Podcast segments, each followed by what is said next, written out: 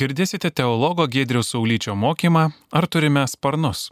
Kviečiame klausytis antrosios mokymo dalies. Kitas dalykas tai yra judėjų žodinė tradicija. Ne tik tekstai, bet judėjai turi ne tik Senąjį testamentą, jie turi žodinę tradiciją. Kaip beje ir krikščionis. Jau po Kristaus turi ne tik Naująjį testamentą, bet turi ir bažnyčios tėvų raštus, kuriuose yra dalykų, kuriuos perdavė. Jie gavo iš praeitos kartos, jie perdavė, užrašė. Visas tas procesas jau nueitas žydų. Jie buvo šitą procesą nuėję ir mišna yra pasikartojimas, tai atkartojimas to, ką mokė mano tėvai, tai ko jie išmoko iš senelių, seneliai iš anų ir taip keliauja tas mokymas. Antrame amžiuje jis yra užrašomas. Gimsta Talmudai. Talmudas Jeruzalės, Talmudas Babilono, vėl yra ne skirtingi, bet tai jau yra ta žodinė tradicija perdodama. Tai yra kaip aiškinta Tora, pavyzdžiui, kaip įstatymas. Įstatymas sako, švesk šabą, septintą dieną švesk. O Mišna kalba, kaip mokytojai tikslino, nes ką reiškia švęs? Nedirk jokio darbo. Kokio darbo? Ar jokio negalim darbo? Reiškia, kiek galiu žingsnių nueiti per šabą, kokį galiu instrumentą, plaktuką galiu nešti, o pjūklą ar galiu pernešti iš vienos vietos į kitą. Ir visa tai yra jau dėstoma, va taip galim, taip galim, to nešt galim, to negalim dabar kai valgyt tą valgyt galim, to negalim. Ir taip toliau. Yra detalizuojama. Ir jiems tai yra kas? Labai svarbu, jeigu tu gerbi Dievą, tu turi gerbti jo mokytojus, o mokytojai tai perdavė. Ir žiūrėkit, Mozė gavo Torą Sinajuje ir perdavė ją Jozuje. Jozuje perdavė ją seniūnams, seniūnai pranašams.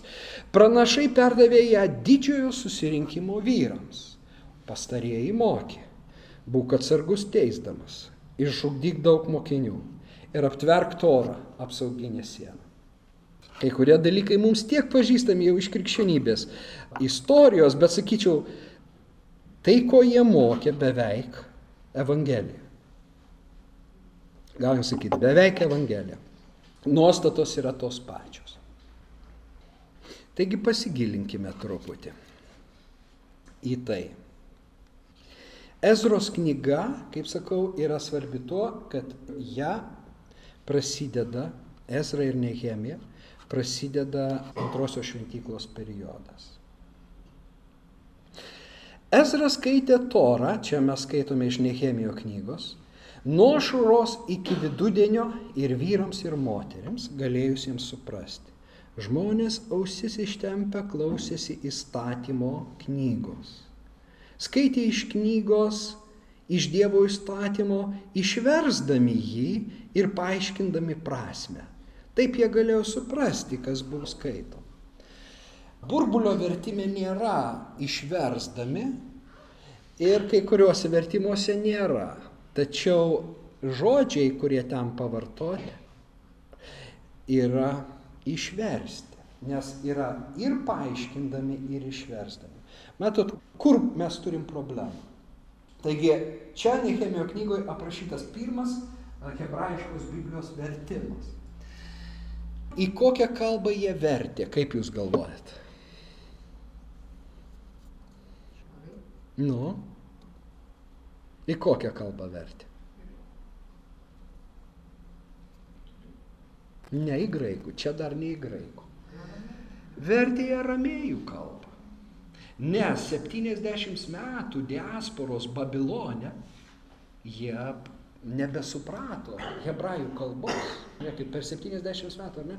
Užtenka, žiūrėkim, lietuviai išvyksta į Londoną ir jų vaikai, nu, jau kalba kaip tarpusavį. Čia ne 70 metų. Dabar tų vaikų vaikai ir dar tų vaikų vaikai grįžta į Lietuvą ir tu jam skaitai lietuviškai, jis ką nors supranta, jis nieko nebesupranta. Tas buvo su žydais. Jie kalbasi aramėjiškai, aramėjų kalba yra bendroji kalba ir šitiems jau reikia versti. Todėl jie verčia ir tas akcentuojama. Šventasis raštas turi būti suvokiamas ir tai žydai suvokė anksčiau už krikščionis. Žiūrėkime, krikščionims turėjo praeiti pusantro tūkstančio metų iki reformacijos. Tai va, reformacijos metu staiga suvokta, kad reikia suprasti raštą taip, kaip suprato ankstyvoji bažnyčia. Bet kadangi reformacija įgyjo maišto pavydalą, Romos katalikai atmetė tai ir turėjo praeiti dar 500 metų ir 20 amžiaus antroji pusiai galiausiai suprasta jau apskritai vakarų bažnyčios, vakarų bažnyčios, mes kalbam dabar tik apie vakarų bažnyčią, kad šventai raštą neužtenka, kad kunigas perskaitytų, jo dalis Bet svarbu, kad vyrai ir moteris suprastų, kad žmonės suprastų, kad liaudis suprastų. 16 amžiaus pradžioj Erasmas Rotterdamietis rašė, o kaip aš norėčiau, kad artojas ardamas plūgą galėtų cituoti šventą įraštą, kad moteris išėjusi turgu apsipirktinai galėtų suvokti šventą įraštą. Tačiau pats Erasmus e, vis tiek rašė lotyniškai ir graikiškai. Reiškia, nei virtuojas, nei ta moteris jo suprast negalėjo. Taigi jis kalbėjo į orą arba tam elitui intelektualiam. Bet jis padėjo kiaušinius, kuriuos išperėjo Martinas Liuteris. Ir Martinas Liuteris taiga išvertė būtent artojui ir moteriai tą raštą į jiems suprantamą kalbą ir pažadino, pasak vieno vokiečių filosofo, milžiną glūdėjusi vokiečių kalboje. Staiga vokiečių kalba atgyjo. Taigi, tai mums leidžia suprasti, kas vyko Ezro laikais. Jie pradėjo mokyti šventą įraštą. Ir žiūrėkime, dabar jau mes skaitome iš Talmudo. Pradžioje Tora buvo duota Izraeliui hebrajiškomis raidėmis ir šventa kalba, tai yra hebrajiška. Ezros laikais Tora vėl buvo duota asiriškomis raidėmis ir aramėjų kalba. Galiausiai jie pasirinko asirų rašmenis ir hebrajų kalbą, o hebrajų rašmenis ir aramėjų kalbą paliko pasauliečiams, tai yra samariečiams. Aš išvečiau pasauliečiams, ten yra atskiras žodis, kurį jie taikydavo samariečiams. Samariečiai ką turėjo? Galiausiai aramėjų kalbą, o jau žydų čia vėlesnėse, čia ne tuo metu, truputį vėliau, sinagogose jau buvo skaitoma hebrajiškai. Bet jau šalia buvo išversta Tora į aramėjų kalbą. Labai įdomu, kad Mišna palygina Mozę su Ezra. Reiškia, apie vieną pasakytą, Mozė užkopė pas Dievą. Išėjimo 19.3. O apie Ezrą parašyta, Ezra užkopė į Jeruzalę iš Babilono. Aišku, vertimuose mes to nematom. Bet vat, žydas skaito ir sako, Mozė užkopė ant kalno, o Ezra užkopė į Jeruzalę. Reiškia, iš kur? Iš Babilono. A, tai Ezra yra Mozė. Taip. Apie vieną pasakyta, jis įsakė išmokyti jūs įstatų ir įsakų laikytis krašte. Čia apie Mozę. O apie Ezra, Ezra buvo atsidavęs visą širdimi tyrinėti viešpatės įstatymą, laikytis jo ir mokyti Izraelį įstatų ir įsakų. Taip pat Talmudas sako, kad Ezra padėjo kalavyje ir pasakė, kas nepažįsta šventojo rašto, te būna išskirstas. Ir išėjo pasiuntiniai po visą kraštą, į kuriuos namus be užeidavo, visi mokėjo šventąjį raštą. Kalavijo neprireikė. Čia Talmudas, čia tos istorijos, kurios yra ten užrašytos, arba va dar viena citata. Ezra patvarkė, kad Tora būtų viešai skaitoma po piet per šabą, taip pat pirmadieniais ir ketvirtadieniais. Tris kartus per savaitę skaitoma Tora. Kaip Jūs galvojate, kodėl šitomis dienomis? Pirmadienis, ketvirtadienis ir šeštadienis. O atsakymas toks. Kadangi parašyta, tauta išėjo į dykumą ir norėjo gerti. Nuėję trijų dienų kelią, jie atrado šaltinį. Tora yra tikrasis vanduo. Ir be jo žmogus negali išgyventi ilgiau nei tris dienas.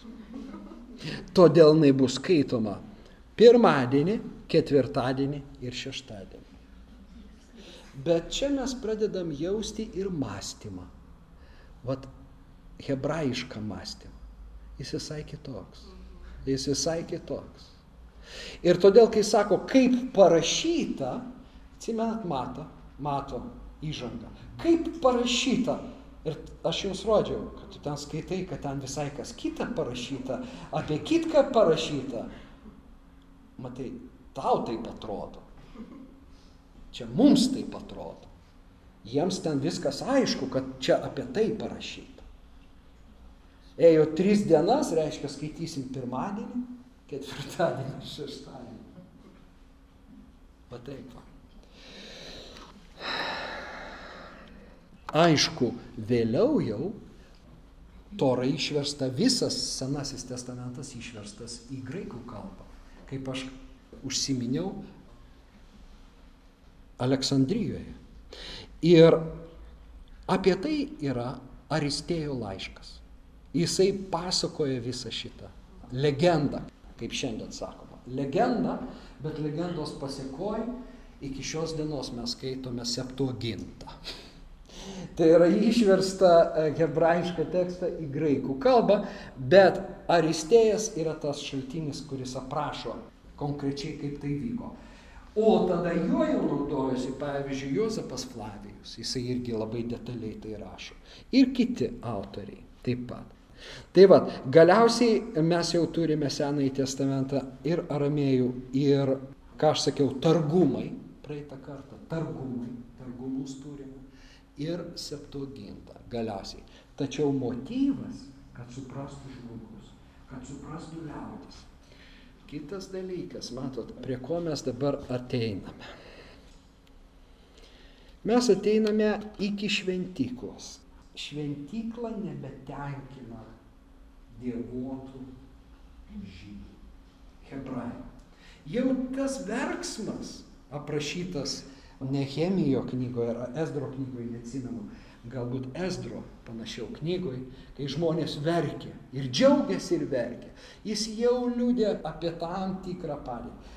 Kitas dalykas, Nehemijas labai aiškiai aprašo, kunigai buvo susituokę su kitatautėmis. Ir jie padarė sandorą, paleiskit kitatautės, nes žydams nevalia buvo toktis su kitatautėm, o juo labiau kunigams. Kitais žodžiais tariant, mes pradedam matyti, kad kunigystė iškrypsta Izraelį. Ir suprantama kodėl.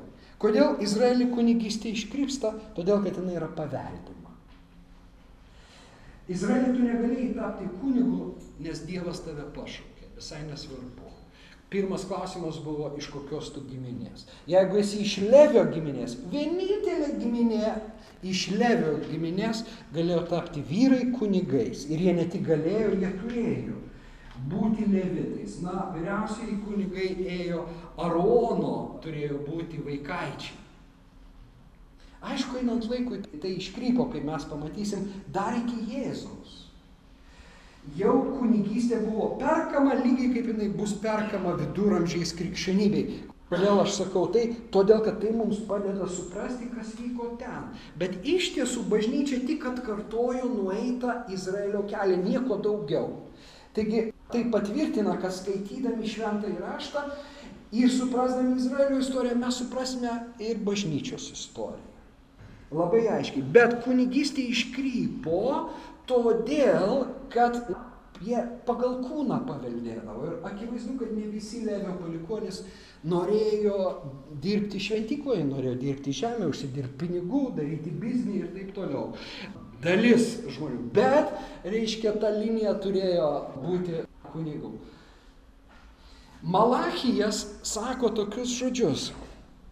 Kunigo lūpos turėtų teikti žinių ir iš jo burnos bus ieškoma įstatymo, nes jis yra karyvijų viešpatės pasiuntinys. Bet jūs palikote tą kelią, suklaidinote daugelį savo mokymų, sulaužėte levio sandorą, sako kareivijų viešpas. Todėl ir aš jūs paniekinsiu ir menkaverčius padarysiu visos tautos akivaizdoje, nes nesilaikėte mano keliu ir buvote šališki įstatymo reikaluose. Malachijas yra paskutinė Senojo testamento knyga. Po jo iš karto eina matas. Chronologiškai. Tai va, mes turim labai aišku signalą, kad kunigystė bėdoj. Kunigystė rimtoj bėdoj. Ir pagrindinė bėda, kad nėra šventojo rašto. Suvokimo. Kunigo lūpos turėtų teikti žinių. Tačiau nėra to. Ieškoma žinių, negaunama žinių. Dabar žiūrėkit. Gerai, pabaigim šitą mintį. Todėl natūralu, ateinu į šventyklą, pažinimo nėra. Aš tik paukoju auką ir grįžtu. Buvo tie laikai, kai keliaudavo į Jeruzalę piligrimai, džiaugdavosi, šokdavo, šlovindavo Dievą. Bet tada gyvas Dievo žodis buvo. Dabar Dievo žodis miręs. Jis skaitomas, nieks jo nesupranta. Jis nebekeičia gyvenimo, jis nepakelia sielos sparnų. O tora yra tas vanduo. Nėra kito vandens kaip tora, sako Talmudas. Todėl žiūrėkite, tas Talmudo sakinys aš jį kartoju.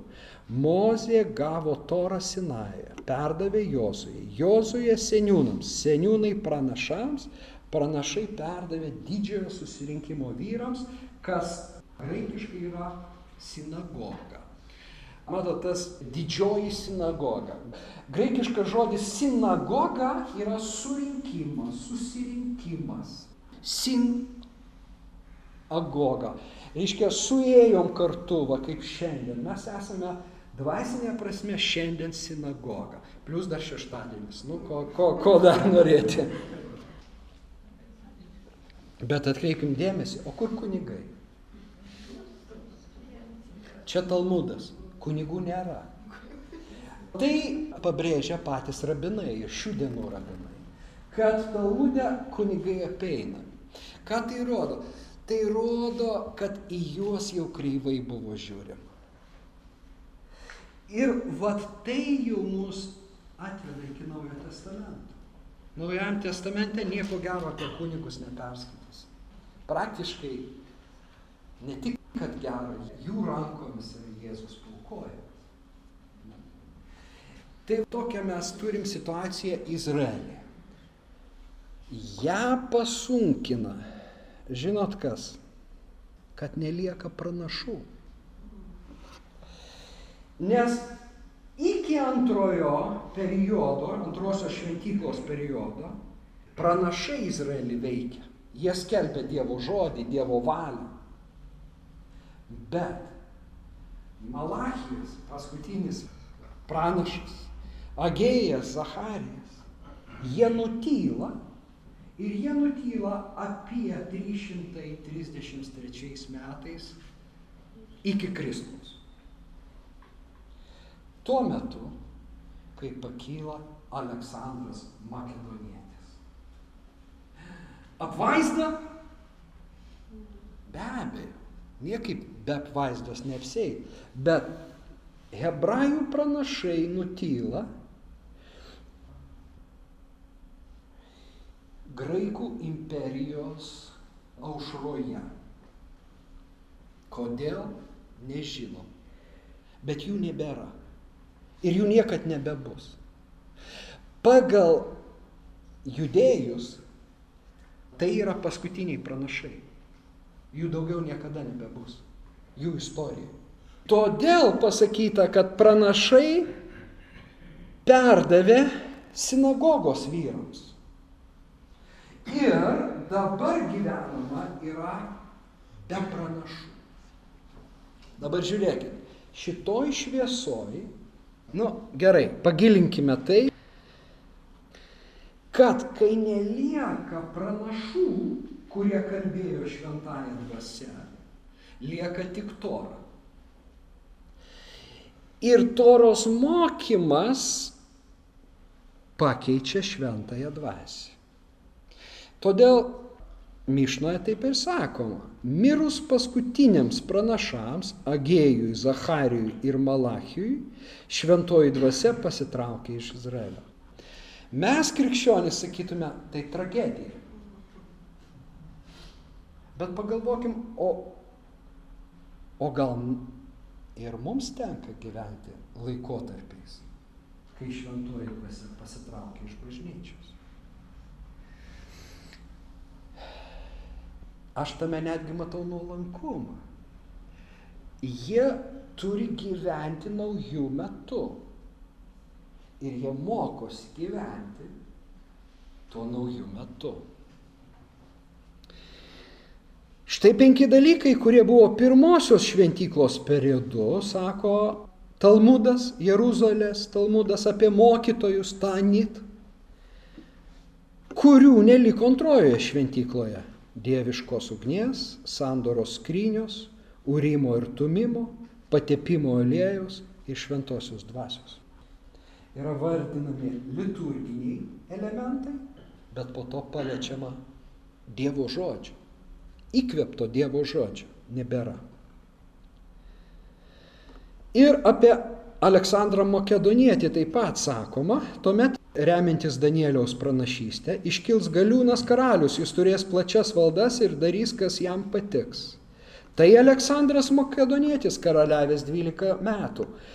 Iki tol pranašavo pranašai. Nuo tada, cituojama patarlė, palenkausi ir klausykis išminčių žodžių. Dėkis į širdį mano mokymą. Jūs matot, kinta laikas, ir Izraelį pakyla išminčiai. Išminčiai.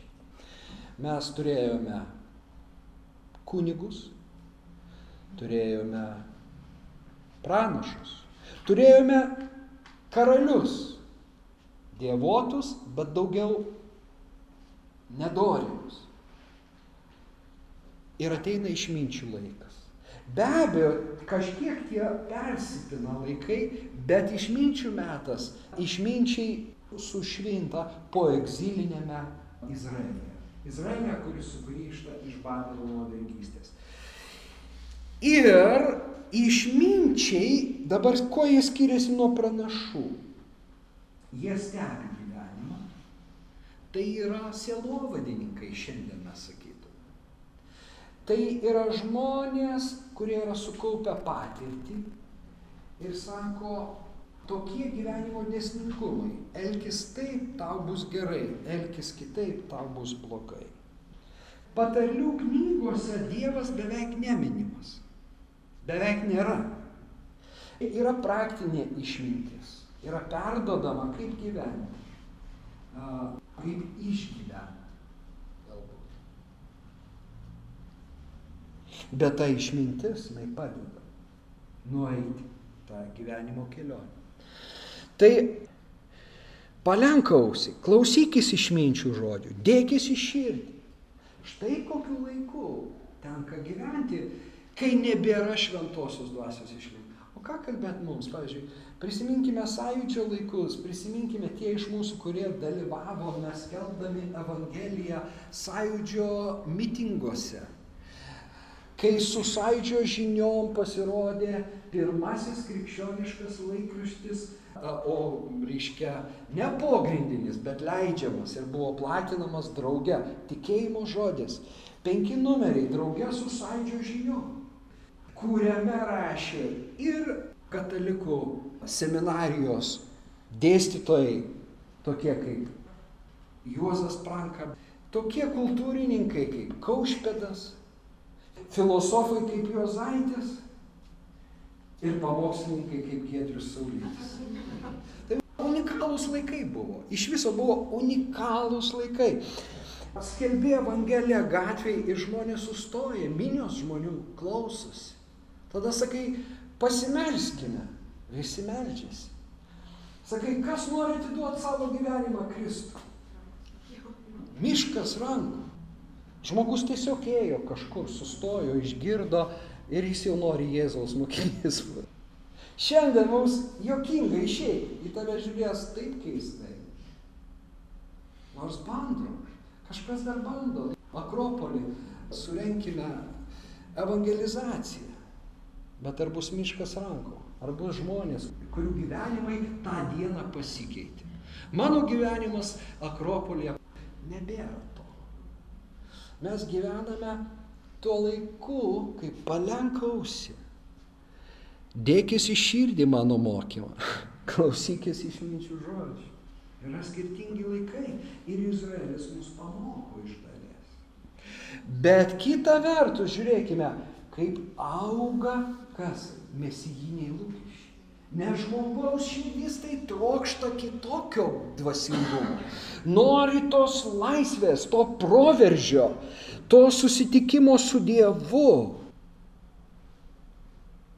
Todėl auga lūkestis, troškimas. Dabar čia viskas gerai. Iki tol, kol mes va čia kalbam, viskas gerai, iki šiol. Išminčiai yra Dievo žmonės.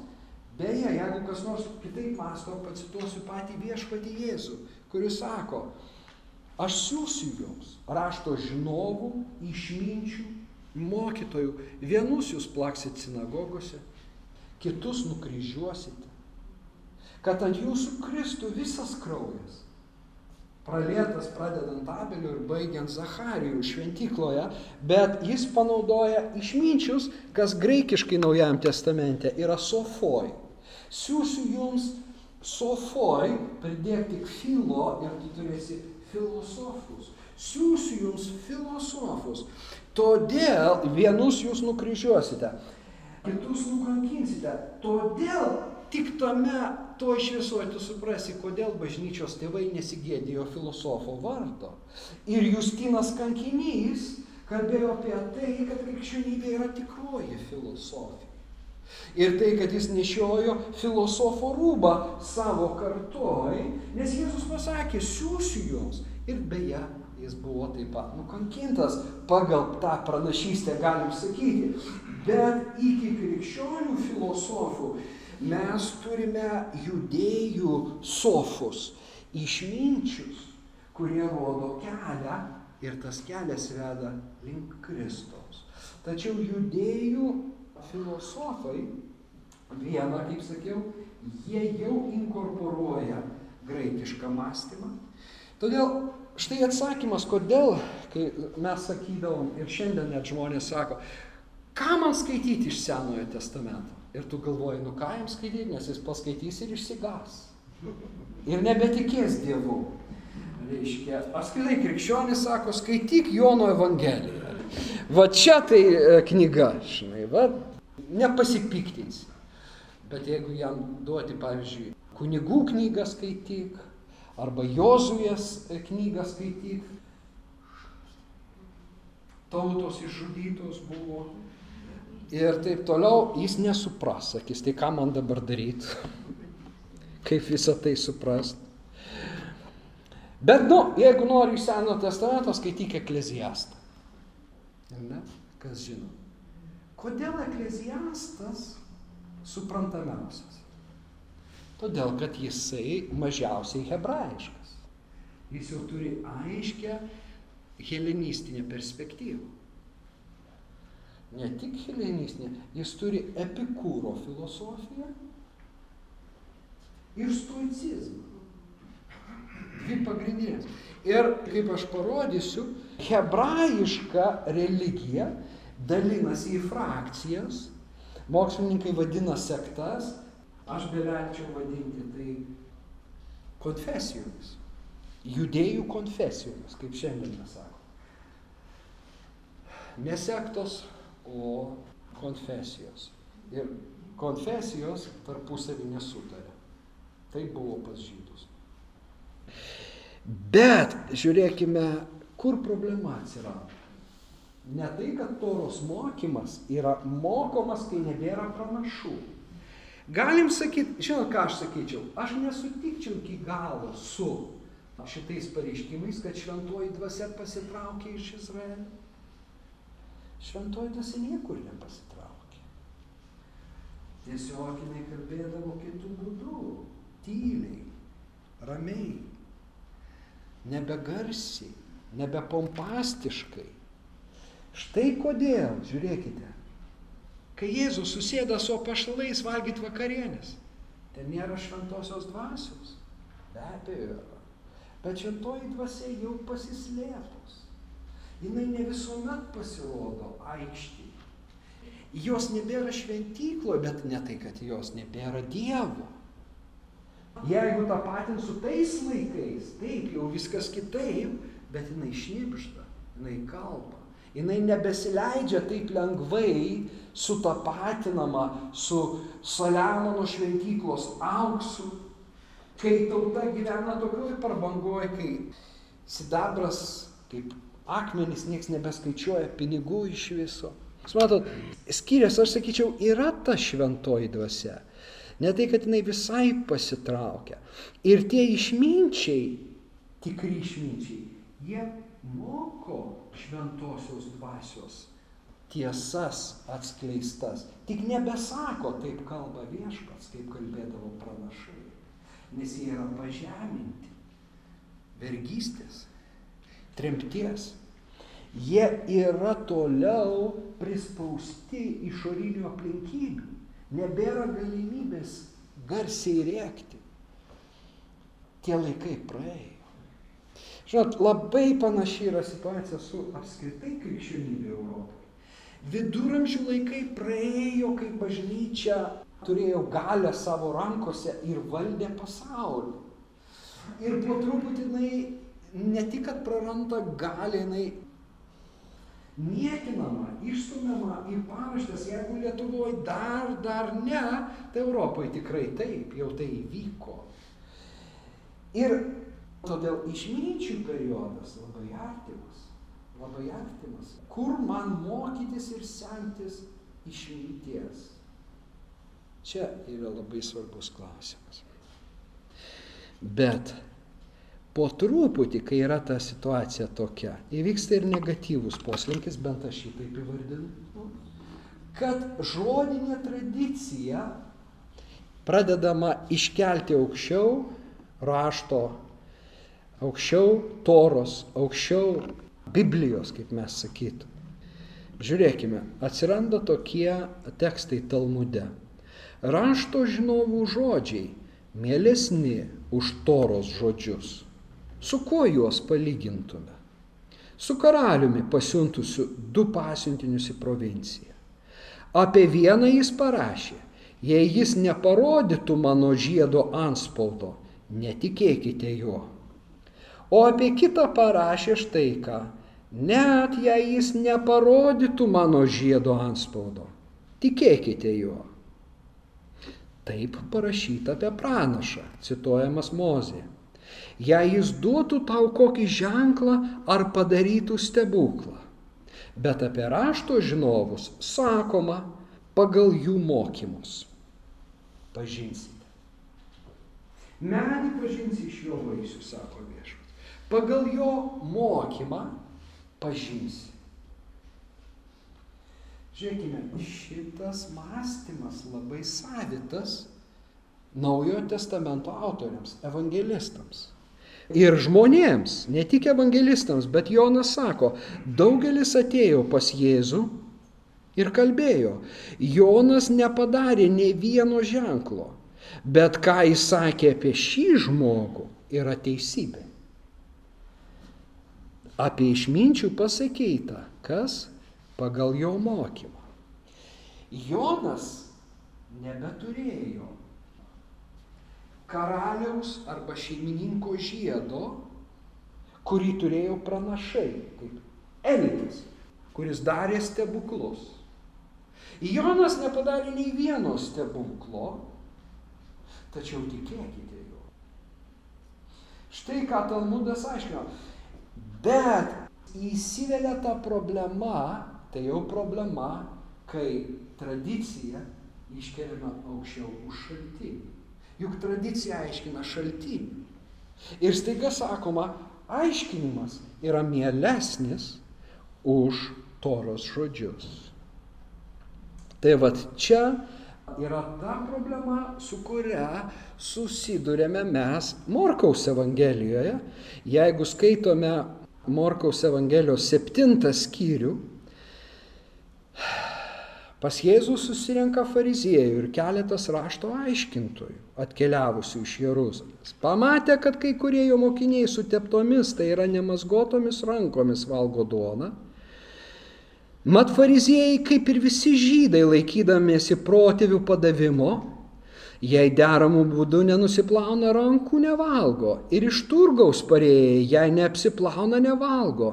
Dar yra daug paveldėtų nuostatų, kurių laikosi, kaip antai taurių puodų, varinių indų ar gultų mazgojimo.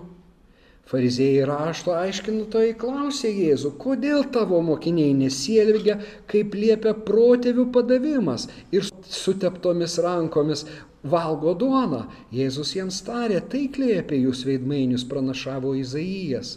Parašyta šitauta garbina mane lūpomis, bet jų širdis toli nuo manęs. Tušiai jie mane garbina, garbina mokydami žmonių mokomų priesakų. Palikę Dievo įsakymą, jūs laikote žmonių padavimo. Jis dar jiems kalbėjo, sumaniai negaliojantį darote Dievo įsakymą, siekdami įtvirtinti savo įpadavimą. Mozė juk yra pasakęs, gerbk savo tėvą ir motiną taip pat, kas tėvui ar motinai pikžodžiauja turi mirti, o jūs sakote, jei žmogus tarė tėvui ir motinai korban, tai yra dovana Dievui, kas būtų tau mano parama, tam žmogui leidžiate niekuo nepadėti tėvui ar motinai niekais paversdami Dievo žodį savuoju padavimu, kurio perdodami išmokėte ir daug panašių dalykų darote. Dabar jau mes turim visą kontekstą, jau suprantam, kas čia vyksta. Žodinė tradicija ima virš ir vietomis jinai nutolsta ir net prieštarauja torai. Ir čia Jėzus parodo tuos dalykus kokiam kontekste. Ne tai, kad Jėzus atėjo mokyti, kur dabar klaidingai mokė to meto išminčiai. Ne. Jis ne dėl to atėjo, bet kai jį užsipuola, jis turi apsiginti. Ir tada, kai pas jį susirenka, tada jis turi kažkaip parodyti, kad reikalai yra pakrypę negera kryptimi. Tai va šita situacija iš tiesų jau parodo ir tas blogas tendencijas, kurias krikščionybė, pradedant viešpačiu Jėzumi Kristumi, reformuoja judaizmą. Tačiau reformuodama žodinę tradiciją, labai daugeliu atveju jinai ją remiasi. Girdėjote teologo Gedriaus Saulyčio mokymą Ar turime sparnus? Klausėtės antros mokymo dalies.